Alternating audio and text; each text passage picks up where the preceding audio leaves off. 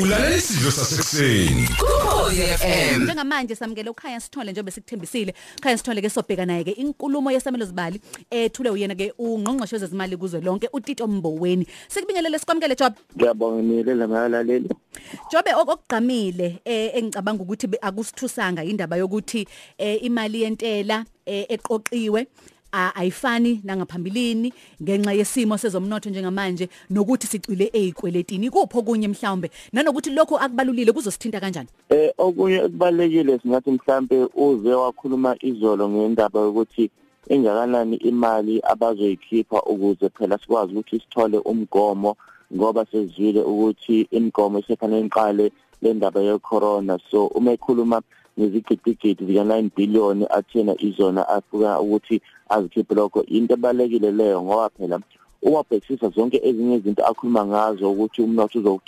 uzothuthuka kangakanani nokuthi mhlambe abantu abafisa ukuthi bathole imisebenzi bangakanani.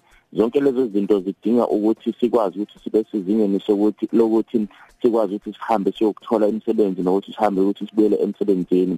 Ngakho ke uma abantu bengakwazi ukuthi bagomwe kuzoqhubeka ukuthi sibe khona kuma level ama lockdown esiwabonile. Ngakho ke into ebalekile ngalo 9 billion ukuthi uma abantu sebethole ukuthi bagonywe kahle kahle nokuthi mhlambe sesithi soke hayi cha ngoba vele bonke abantu sebejoviwe asekho isidingo sokuthi sibe ku level 3 noma ku level 2 even na ku level 1 lokho kuzosiza ukuthi ngoba sesithi hayi abantu sebengakwazi ukubabuyela emsebenzini ngakho ke zonke ezinye izinto azishilo ngokuthuthwa komnotho nokuthola kwabantu amathuba omsebenzi zizokwenzeka so into ebaluleke kakhulu ukuthi impela siyadinga ukuthi i-vaccination program iqale.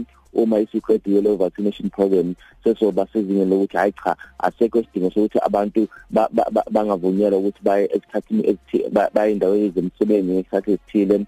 Nokuthi mhlawumbe kube khona ama curfew so uma seqedwe lokho kuba lula ukuthi sithi hayi cha ake sibukisise ukuthi noma ubuthena abantu abazi abangu 400000 mhlawumbe bazothola amathuba omsebenzi apho lawo mathuba omsebenzi.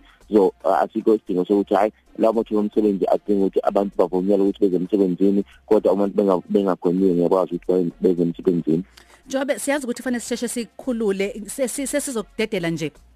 Ukukhushulwa kwama sin taxes eh intela kulona uphuzo olidakayo eh nakuwona ugwayi namawayini njalo njalo.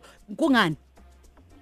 Eh into esiyaziyo ukuthi njalo uma kusekhulunywa ngendaba yentela uhulumeni uyabona ukuthi mhlambe uma kudingeka ukuthi kube khona imali ayitholayo uye uqonde khona kulezo zinto ngoba phela into ejwayelekile ngazo ukuthi njengoba sibakho the reason siwabiza ngama sin taxes ukuthi siyazi ukuthi yizo lezo zinto uthi noma uthi intela iyakhushulwa abantu abavele bathi hayi cha mina ngeke ngisaphuza.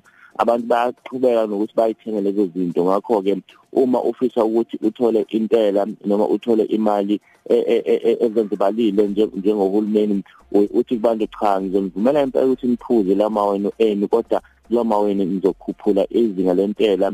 Leyo zinga lentela lisiza uhulumeni ngokuthi athi akwazi ukuthi ethole imali ezenzibalile yentela kodwa abantu baqhubene ukuthi baphuze.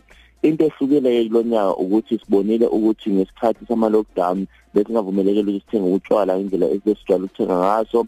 Avumeleni manje ukuthi sithenge ama weekend so uma ubukisisa ukuthi lokhushulwa kwama sin taxes ukuthi kuzoyenza yini umehluko omkhulu kuhulumeni asazi ngoba phela esikhathini esiningi uma kukhushulwa la izintela abantu baqhubeka nokuthenga utshwala kodwa njengamanje ngoba abantu bangavumeleki ukuthi bathenge utshwala indlela abafisa ukuthi bathenge ngayo mhlambe umehluko ozoba khona awufani nomehluko esiyibonile kwiminyaka edlule.